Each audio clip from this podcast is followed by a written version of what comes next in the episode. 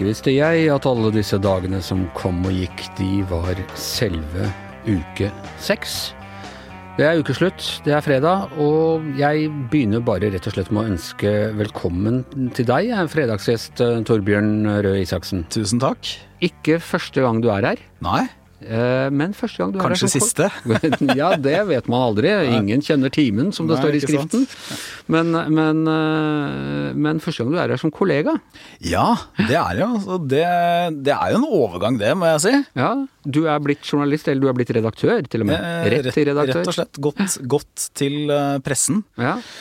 Så, og det, det, det føles jo Altså, det, det, føles mer og mer eh, vant eller komfortabelt for hver dag, men jeg er jo klar over at eh, jo, Jeg gjør jo ikke noe forsøk på å viske ut min fortid, for å si det sånn. Så, så, eh, så, så mange timer til å prøve å fjerne spu, spor på internett har jeg ikke Nei, du har i ikke investert levetid. i disse firmaene som spesialiserer seg i det. Vi må jo si altså at du, du er da eh, samfunnsredaktør i E24, som er, er en, en del av VG, altså VGs økonomiske redaksjon. Ja, det, nå skal jeg si at vi i E24 er veldig opptatt av at vi ikke Altså, vi er en selvstendig næringslivspublikasjon, men er jo da eid av VG og Aftenposten. Og har et redaksjonelt samarbeid, Ja, som det heter. Ja. Og så vil jeg jo si at de virkelig gode, skarpe økonominyhetene her i Norge, Ja. de får du på vg.no via E E24. Ja, ja. Ja. Eller ved å gå inn på E24-fronten. Eller ved å da. gå Men nå behøver, skal ikke vi snakke om sånn eh, Nei, nei, internal er bra politics, er det ikke det man Jeg tror det er bra at du har, kjører litt uh, konkurransegreier der. Uh, men du, du, du har jo for så vidt bakgrunn altså, Du har jo drevet med tidsskriftjournalistikk eh, tidligere. Ja da, altså jeg, jeg starta jo jeg, jeg starta faktisk min første jobb etter å ha vært avisbud, var å være journalist i lokalavisa. Det var sånn klassisk dukka opp i. Porsgrunns Dagblad, ja. Eh, hos Erik Enger, som fortsatt er redaktør. eh, og fikk jeg studerte i da Bø sammen med. Er det sant, ja? Nei, også, og da fikk jeg, jeg fikk 25 kroner for sånne små spalter om sånn eh, Trine og eh, Kaja lagde basar og sånn. Men, men Hyggelige så, lokale nyheter. ja, hyggelige lokale nyheter, men så jobbet jeg litt i fylkesavis og gjorde litt sånn. Hadde tenkt å bli journalist, men så har det jo vært 20 år med politikk imellom, da. Ja. Eller 15 år i hvert fall. Før jeg nå fant ut egentlig at dette, at jeg dette, tror dette er noe jeg har eh, lyst til å gjøre. Men fortell meg da, og dette gleder jeg meg til å høre, fortell meg hvorfor du ikke gikk til sånn uh, First House eller Gelmøyden Keys, eller sånn som uh, dere ekspolitikere gjerne går til. De Har du så mye mot De penger? fleste ekspolitikere går jo ikke dit, da.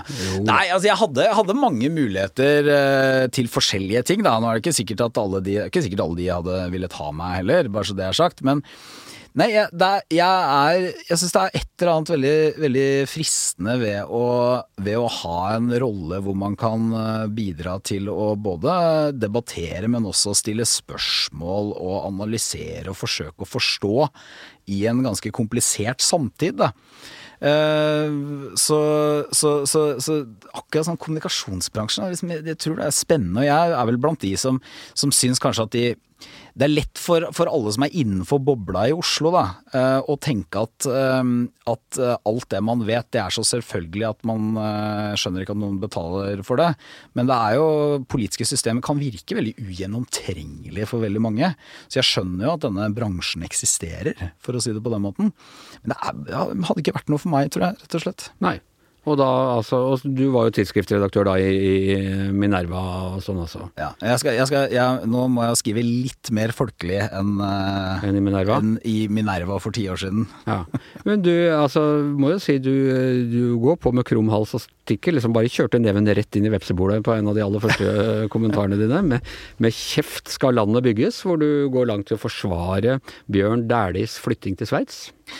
Ja, kanskje ikke forsvaret, da. Det er, Jeg si, det er jo en av, de, en av de tingene som er sånn privilegiet ved å kunne skrive at man kan kanskje være litt mer nyansert. Da. Men jeg syns Altså jeg, jeg synes i hvert fall det er, eh, det er egentlig to poenger sånn i det, den kommentaren jeg har skrevet. Det ene er at reaksjonene eh, mot Dæhlie eh, har vært veldig voldsomme. Eh, og særlig da i sosiale medier og sånn. Og jeg kan, jeg kan i og for seg kjenne igjen litt sånn, jeg kan skjønne det litt på meg selv, for jeg er, er en konservativ mann og liker vil helst ha kapitalistene mine rotfestet på, både på norsk jord og i norsk kultur, og vaffelstekene for korps og speiding i helgene og sånn. Heftig Bø i Vesterålen. Ikke, ikke sant? Men uh, samtidig så er, noe, så er, det noe, veldig voldsomt med det. Og det, det er vel bare sånn bilde på at diskusjonen om formuesskatten da, Nå har ikke Bjørn Dæhlie selv sagt at han flytter pga. formuesskatten, men det har nå blitt uh, antatt, da. I og med at han var denne turen innom Bø Vesterålen, ja, så kan det tyde så, på at så, så, det har nå blitt lagt til grunn, da. Men den er blitt den, den, er en diskusjon som handler veldig lite om alt det andre vi diskuterer når vi diskuterer et skattesystem. Eh, for skatt handler om moral, og det handler om rettferdighet og fordeling, men det handler også om effektivitet og hvilke konsekvenser har det og sånn. Så jeg, et eksempel jeg tar er at vi har jo i, gjennom flere regjeringer faktisk satt ned det som heter selskapsskatten i Norge. Eh, og vi, vi, kunne jo da selvfølgelig eh, kjeftet på internasjonale selskaper og ment at de var egoistiske og grådige fordi de ikke vil etablere seg i et land som har for høy selskapsskatt, men, men det gjør vi ikke. Vi tilpasser oss på en måte verden der ute. Det er vel mer naturlig at vi kjefter på de som er våre, og så får de utenlandske selskapene bli kjefta på. Sine, ja, men vi gjør jo dette for å være konkurransedyktige, da. Mens det perspektivet er, liksom, er, er helt borte borte da, i denne store diskusjonen om Bjørn eh, Dæhlie. Ja, nå, tror ikke jeg, nå tror ikke jeg, bare så det er sagt, da, eh, så tror ikke jeg svaret på det er at vi skal bli som Sveits. Eh, og, og, og, jeg tror jo det å diskutere formuesskatten sånn bare isolert som en skatt, tror jeg også er en ganske dårlig idé. Altså, du er nødt til å se den skatten i sammenheng med resten av skattesystemet. Så hvis du gjør noe med formuesskatten, så må du sannsynligvis gjøre noe med andre typer beskatning på, som treffer da de som har mest penger i Norge. Ja, Du trakk jo fram at tidligere LO-leder Flaten også har vært skeptisk til, til formuesskatten, og man er redd for at det liksom ikke Ja, altså, de, Debatten har endra seg veldig, da, og, og det, begrunnelsen for det også. For, at, eh, for, for, bare ti år siden, det virker jo som en evighet siden i dag. Inne, uh, hva heter det i Star Wars? Uh, in a galaxy far, far away. Long, long time ago in a galaxy far, far away. Så, så, var jo både Trond Giske og LO ute og sa at formuesskatten kunne ha noen skadelige konsekvenser. Og, og, grunnen til at de kunne si det, var fordi at de, deres største bekymring da, det var at staten skulle tape penger. Så da foreslo de beskatte andre ting isteden. Boligskatt f.eks. foreslo Trond Giske. Og det, var, det er veldig populært hos økonomer, da. Mm. Nesten alle økonomer vil mene at boligskatt burde vi ha. Sekundærboligskatt. Hva sa du? Ja, sekundærboligskatt. Ja, men også på primærbolig, da. Men, men så, så, har debatten endret seg veldig, veldig, mye siden den gang, så nå er det blitt en sånn slags ideologisk markørsak, da. Uh, hvor, hvor, hvor, hvor, det blir veldig mye og veldig sterke følelser involvert. Og særlig selvfølgelig når folk flytter da ut av landet. Men, eh, og dette kan jeg for så vidt eh, skjønne, og du, du, snakker at man må snakke rasjonelt om dette, og dette dreier seg om skattespørsmål og, og, sånn sett ikke om moral.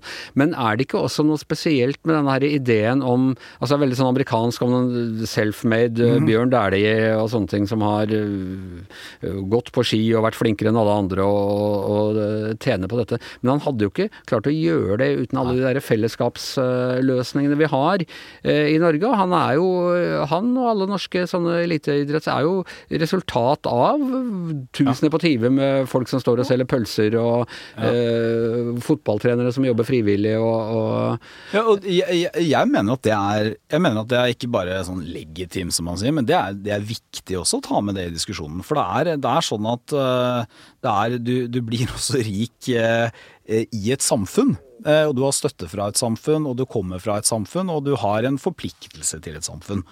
Eh, så, så mitt poeng er egentlig ikke at eh, skattedebatten ikke også kan handle om f.eks. følelser eller moral eller ikke minst fordeling. Det er viktig i skattesystemet. Mitt poeng er at i mange andre skattedebatter så er vi også veldig opptatt av realismen i forslagene våre. Så Derfor er det der eh, eksempelet med selskapsskatten en, en god parallell. Du må ikke trekke det for langt, men det er en god parallell. For det, vi senker selskapsskatten fordi andre land har gjort det. Fordi vi vil at selskaper skal både bli og vokse seg store og komme til Norge. Eh, vi, vi, kjefter ikke på internasjonale selskap fordi de ikke etablerer seg i Norge, eller fordi de er opptatt av en konkurransedyktig skatt. Så er det viktig å si da, at det er ikke sånn, vi har ikke, sånn, vi har ikke håndfaste analyser som viser at formuesskatten jager masse folk ut av landet, og at det har store konsekvenser for kapitaltilgangen i Norge. Det er veldig sånn skissemessig de analysene som er gjort på det. Men, eh, men, eh, men i en skattedebatt om formuesskatten som har blitt veldig mye følelser, så tar vel jeg til, tar vel jeg til orde for at du også skal ha med litt av de helt vanlige liksom kalkulerte, kyniske, rasjonelle, fornuftige betraktningen som man har i andre typer skattediskusjoner. Da. Men så, siden du nå jobber i tabloidpressen, som det het i gamle dager, nå er alle aviser i tabloidformat, men, men, så er det jo også en del sånne emosjonelle som kjøres fram. F.eks. sånn at Bjørn Dæhlie tok seg betalt for å stille i Senkveld på et eller annet, og, eh, og sånne ting. Og hvor ukomfortabel er du med at du nå liksom står på den siden i uh, samfunnsdebatten hvor vi kjører på med sånne, sånne grep? Uh, er ikke, nei, er ikke alt av det jeg liksom liker supergodt, men Men, uh, men uh, Ja, godt spørsmål. men det er vel heller ikke altså Nå er ikke min rolle som, som samfunnsredaktør og kommentator er jo ikke å altså Jeg behøver ikke å like alt som skrives. Nei. Så, så spørsmål, spørsmål, blir vel egentlig et sånn relevant spørsmål alltid når pressen skal diskutere seg selv, er vel er dette relevant journalistikk? Altså, sier det noe, opplyser det oss på en eller annen måte, eller sier det noe som er eventuelt artig og underholdende? Eh, og mange ting som eh, jeg misliker eller syns er harry eller teit eller noe sånt, kan jo allikevel være opplysende og verdt å skrive journalistikk om. Og ikke minst eh, både selge aviser og abonnementer og Jo, jo, dette, dette er jo en kommersiell bransje i høyeste grad. Definitivt det. Jeg hadde jo gleden av å jobbe med i Aftenposten med en som jeg vet har vært en venn av deg, Lars Roar Langslett. Ja, ja, ja. Han hadde jo sine siste yrkesaktive år liksom En annen politiker som rett og slett gikk over til ja, pressen? En de, ja, mm. en av de ikke så, så, veldig mange. Og du har identifisert deg litt med, med han, har du ikke? Jo, han, du har blitt mye vi, sammenlignet med ham? Ja, nei, men vi var også veldig gode venner, faktisk. Så, så for de som, eh, de som, hører på som kanskje ikke vet hvem Lars Roar Langslett var, da, så var han, han var, var, en veldig viktig ideolog i Høyre. En av de som har jobbet mest med sånn Høyres konservative arv og sånn. Så var han også Norges første kulturminister. Ja. Så jeg pleide da han levde, så pleide jeg å spøke med at han eh, til, eh, til han så sa jeg at du er mannen bak Paradise Hotel, f.eks. For, for han avskaffet jo NRK-monopolet. da. Og det er jo det han virkelig er kjent for. Ja. Og det var jo noe av det morsomme med han. Det var jo på en måte at han ønsket jo, håpet jo at nå skulle det komme liksom sånn P2-foredrag og ja, ja. klassiske konserter og sånn. Så var det ikke det. Det var ikke det første resultatet av Nei, det var ikke det første. Men jeg, jeg, vil jo si at det, jeg vil jo faktisk si at hadde Lars Roar Langslett levd fortsatt, så tror jeg han ville vært litt glad for den sånn lille svingen man har fått nå. For vi har jo fortsatt uh, Paradise Hotel og det er masse sant, reality og, og sånt. Men, men samtidig så er det jo en sånn så er det jo et eller annet med dette voldsomme mangfoldet vi har, som også gjør at flere etterspør litt dybde, lengre formater, analyser, blant annet gjennom podkaster, ikke sant. Så så ja, det at folk gidder å høre på det er det vel han som gjør at vi kan sitte her nå. Det var jo ikke lov å drive og kringkaste lyd. Nei, dette hadde vært eh, forbudt. Altså, ja. Teknologien var jo ikke-eksisterende også, men, eh, det var jo, men dette er jo veldig lenge siden. Men det var jo, det var jo Ikke lenger enn at jeg var voksen mann da, da, da, dette skjedde. Ja. At liksom, men det sier vel mer om din alder enn Det sier en del om min alder, men da, jeg syns det er fortsatt fascinerende å drive og si til barna mine at det var én TV-kanal og én radiokanal. Og alle butikkene stengte klokken fem. Og alle butikkene stengte, og dessuten, ja, det blir som Yorkshiremen til, til Monty Python. Men jeg tror den der, bare for å si én ting til om den overgangen fra, fra, politikk til presse, så, så var det nok etter at Lars Roar Langslett gjorde det, så, og dette var jo på den tiden hvor Aftenposten fortsatt var altså, Litt feil å kalle det Høyres husblekke, men det var, i hvert fall mye tettere. For det var, ja, det var tettere på, men det var altså myket litt, det var my myket opp. opp. Ja. Men, men, så har det vært en lang periode hvor eh, etter at det som ble kalt partipressen falt litt sammen, så har det vært, har det vært veldig lite av dette. Altså det, selv om det er flere kommentatorer og journalister som har bakgrunn fra både politikk og ungdomspolitikk, så oppfatter vel jeg at pendelen har svingt litt tilbake i den forstand at nå er vi nå er vi mest opptatt av at, uh, at du skal være åpen. Uh, og at jeg som kommentator, når jeg skriver, så vet både leserne mine uh, De vet jo selvfølgelig hva jeg har holdt på med. og jeg må være åpen hvis det er ting som jeg har jobbet med som politiker, f.eks. Og så må jeg jo over tid bygge, bygge troverdighet, sånn at folk ser at jeg skriver ikke det som er mitt gamle partis standpunkter i alle saker. Uh, uten at det dermed Jeg tror ikke jeg, tror ikke jeg skal liksom ja, Tvert imot, du må sikkert gå ut mot Høyre ved et par anledninger. ja, det er det sånn, mange sier. ikke sant? Nå må du skrive et eller annet veldig kritisk. Men, og det, det, skal jeg gjerne gjøre hvis den tid, uh, tid der kommer. Men jeg tror Hardt ut i nestlederstriden. men dette blir som Jens Stoltenberg, vet du. Ja. Som da blir sentralbanksjef. Altså, han, han skal både uh, Han skal være uavhengig, men han skal jo ikke være Han skal ikke gjøre noe eh, noe som en sentralbanksjef ikke burde gjøre for å vise sin uavhengighet heller. Nei. Det der, det der er en litt sånn uh, pikant balansegang. Hva syns du om Stoltenberg-saken? Jeg syns den er, den er jo jeg, Altså, jeg trodde ikke for noen uker siden at eh, Stoltenberg ville bli utnevnt. Jeg jo grundig, tok jo grundig feil. Men det må jo sies at det er en seier for VGs kommentaravdeling, da. Nei, eh, for VGs politiske redaktør, tror jeg vi VGs politiske redaktør, sier, eh, ja. sier der. Ja. Eh, Nei, jeg syns Jeg, jeg, um, um, uh, jeg, jeg, jeg trodde ikke de ville utnevne. Og så er det mange som har spurt sånn Mener du de burde gjort det? For å være helt ærlig, så er det, det er litt jeg er litt usikker på svaret der, rett og slett. Men, men jeg tror det er Jeg tror nok alle Det er ganske massivt eh, sånn blant fag i fagmiljøet at Stoltenberg er åpenbart personlig kvalifisert. Ingen tvil om det. Eh, og jeg tror vel Altså, vi, vi, det gjenstår å se, rett og slett. Altså. For jeg tror en av farene her er nettopp at alle, alle signaler, alle turer, alle middager, alt vil bli gransket med lupe på en helt annen måte enn tidligere. Eh, og det, det kan jo gjøre at det blir så mye støy rundt Stoltenberg som sentralbanksjef at det blir vanskelig for en sittende regjering. da.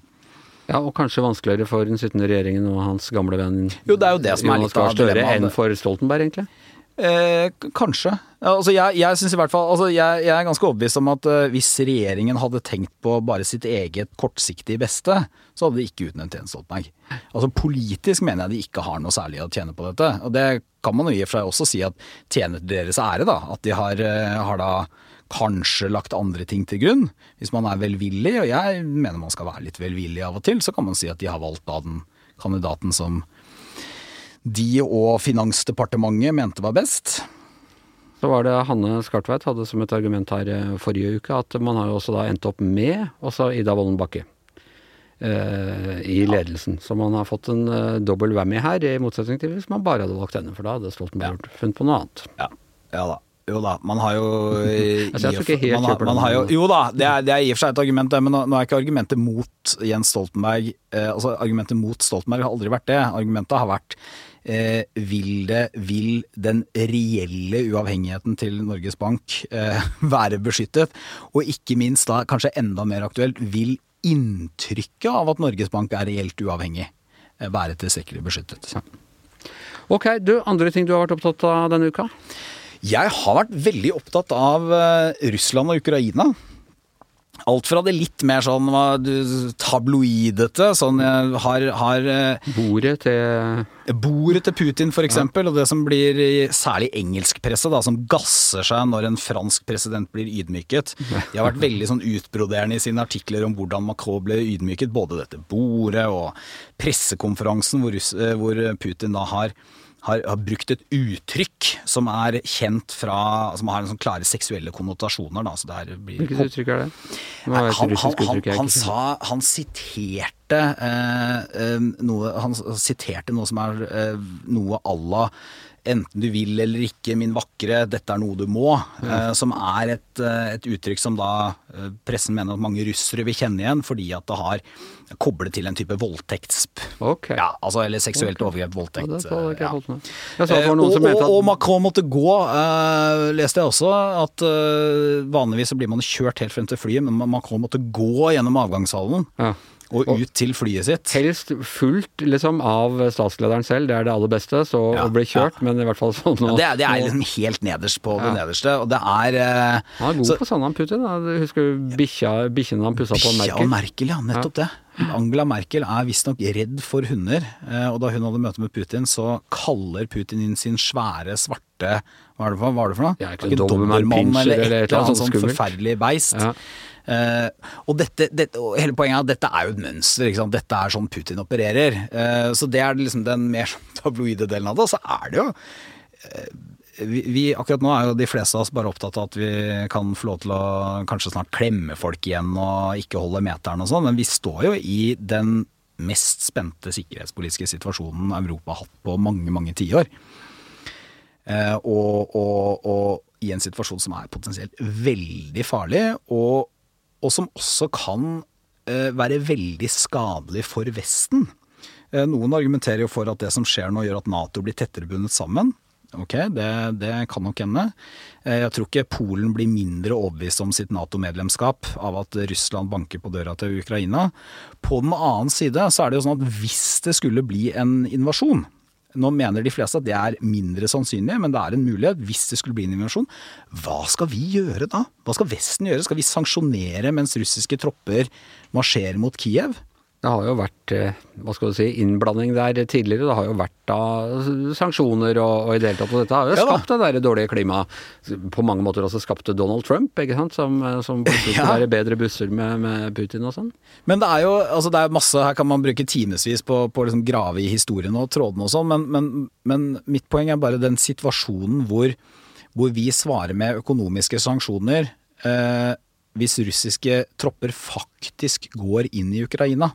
Eh, og så er det mange mellomstadier der, for mange mener nok at eh, en fullskala invasjon hvor de skal helt til hovedstaden, altså okkupere Ukraina, er mindre sannsynlig enn at de skal, de skal være der, de skal kanskje lage litt bråk, de skal kanskje gå inn i de områdene som Russland har okkupert, eller hvor det er russiske separatister. Eh, men, men uansett så er jo faren for at Vesten blir stående som svake og, og fremstår som nesten handlingslammede, er ganske stor, da. Og hva tror du? Nei, jeg, jeg syns det virker mest eh, plausible, de analysene som sier at, eh, at eh, Russland har klare mål, men, men de kommer ikke til å faktisk bruke sin militærmakt. Men, men, men det er veldig usikkert. Altså. Jeg har ikke lest noen som tør å spå noe med sikkerhet. Og både amerikansk og britisk etterretning har jo også vært veldig delt funn om at det er åpenbart planer for å bruke militærmakt. Ja. Og litt sånn at man fingerer noe angrep og noen grensekrenkelser og Ja, alltid noe masse Mange, mange, sånn muligheter, mange muligheter. Litt sånn 1939. Men, men Russland, altså det, hvis, man, hvis vi ikke forsto det etter eh, Georgia og etter eh, annekteringen av Krim og sånn, så er det altså Russland er fullt tilbake. Og så ser vi jo noe annet interessant som også ble påpekt, så jeg, og det var at der eh, Macron og Putin satt på et seks meter langt bord, så var det en uke før et møte mellom Putin og Xi Jinping i Kina, som også nå eh, mottar store mengder russisk gass, som er det som eh, blant annet eh, gjør at eh, Altså russisk gass er det som gjør at strømprisen vår er blitt høyere. ja. Og de sto kloss inntil hverandre! Der var det ikke noe meter eller seks meter eller noen koronaregler eller noe sånt. Så dette er jo, dette er jo et psykologisk spill også. Helt til slutt, eh, hvem bør bli ny leder i Høyre? Eh, det skal jeg om eh, et år, så kan jeg kanskje mene noe om det. Ja, for du er Og her er det mer selvpålagt, for du, du er jo under noe sånn rart som heter Karantenenemnda, som bestemmer litt hva du kan mene Ja, om. altså, men De bestemmer ikke at jeg ikke kan si noe om det, men det har også noe å si at jeg, altså, de kandidatene som er der, kjenner jeg jo veldig godt og sånn også. Så, det, så det, vi, det, jeg har bestemt meg for at jeg skal ikke bli en sånn høyresynser, rett og slett. Ikke en parlamentarisk baksetersjåfør, som noen har kalt noen av dine forgjengere heller. Nei. Ok, eh, tusen takk eh, Torbjørn Røe Isaksen, veldig hyggelig å ha deg her. Håper du eh, kommer tilbake senere. Vi, bokstavelig talt jobber vegg i veggen nå. Ja, jeg kommer gjerne tilbake. Og vi skulle jo egentlig hatt en eh, quiz denne uka, har vi ikke rukket å lage, men eh, Trine Saugstad Hatlen og jeg, vi setter oss ned nå etterpå og lager det, så vi legger ut en quiz i helgen som vil gjøre det mulig å vinne kopp på mandag. Men det vi jo gjorde i går, det var at fordi jeg fikk litt sånn brain freeze da jeg skulle utannonsere Magne, eh, så åpnet jeg for at folk eh, kunne levere inn, eller sende inn forslag til hvordan jeg kunne utannonsere oss. Så jeg har fått mange fine forslag, Magne. Ja, det syns jeg hadde veldig mange morsomme der. Ja. Eh, det var, jeg tenkte jeg kunne lese opp et par av dem. Eh, da skal jeg si at og produsent var som vanlig vår egen groundhog, som gjør samme jobben hver dag. Magne Antonsen. Det er morsomt. Morsomt. Men den var litt forrige uke, men veldig bra. Jeg angrer på at jeg ikke brukte den der. Og så var det mye selvfølgelig som, som eh, gikk på Kina, fordi det var et av de store temaene i går. Mannen som kan lære nye 300 millioner kinesere å gå på ski, Magne Antonsen. Ja, det hadde jeg klart fint. ikke sant? Og da hadde vi vært oppe i halvparten av alle kinesere som går på ski, ifølge det der fine byrået som eh, annonserer i VG. Uh, og så var det sånn mannen som aldri ville annonsert for annet enn podkasten vår, Magne Antonsen. Ja, det er i hvert fall klart. Ja. Uh, og så var det fordi jeg eh, Og denne er jeg veldig svak for, den skulle jeg ønske jeg hadde i går, altså. Eh, eh, jeg snakket jo om de annonsene som nordkoreansk ambassaden rykket inn om Kim Il-sung i Dagbladet på 70-tallet. Hvor det var sånn De var helt corny. Sånn eh, Kim Il-sung, den store, elskede leder. Fjellene gråter når han legger seg om kvelden og sånn. Og så er det Alexander Slatanos Ibsen som har eh, skrevet følgende 'Mannen som får fjellene til å gråte når han legger seg'. Produsent Magne. Den er fin. Ja. Eh, også den kanskje mest eh, eh, Den mest eh, eleverte eh, kommer fra Christian eh, Boe Astrup, og det er om ikke OL-mester, så iallfall vår mest suverene kjøkkenmester, kjøgemester og kjellermester. Kort sagt han som anretter oss, Magne Antonsen. Ja, veldig morsom. Ja, det her måtte jeg sjekke. Kjøgemester, vet du hva kjøgemester er? Ja, det mistenker at det er noe som ikke er helt positivt. jo, jo, det er slett ikke ille, altså. Eh, men først, når jeg begynte å google, så så det ut som det var det samme som kjøkkenmester. Men jeg har vært borti Christian Boastrup før. Han er ikke sånn som uh, kjører smør på flesk, eller uh, Han kjenner betydningen av ordene, for å si det sånn. Så jeg uh, googla litt tyngre, og inn i Det norske akademis språkbok og litt sånn forskjellig. Og så uh, kom han fram, altså eh, eh, Kjøkkenmesteren er jo på en måte sjefen for kjøkkenet. Eh, Kjellermesteren han har ansvaret for vinkjelleren. Kjøgemesteren er mer av en litt mer sånn seremonimester, en slags hovmester eller noe sånt. ting. Passer jo ganske bra, da. Ja, jeg syns det. Jeg vet ikke, Magne, altså, Det er vel rett og rimelig at det er du som eh, velger, eh, velger vinneren. Vi, det er mange andre flere forslag også, så gå inn og se på Facebook-sida vår. Men at du utpeker den som hadde den beste utannonseringen. Jeg tror kanskje at jeg går for um, den som var mannen som får fjellene til å gråte når han legger seg. Ja, den er min favoritt. Helt supert. Ja, og med det så er uh, Giæver og gjengen eh, over eh, for i dag. Tusen takk til Torbjørn Røe Isaksen. Jeg heter Anders Giæver, og mannen som kunne blitt hva som helst, men som valgte å bli produsent for Giæver og gjengen, er som vanlig Magne Antonsen. Ja, Ole Budal, du skal få en kopp for den du også.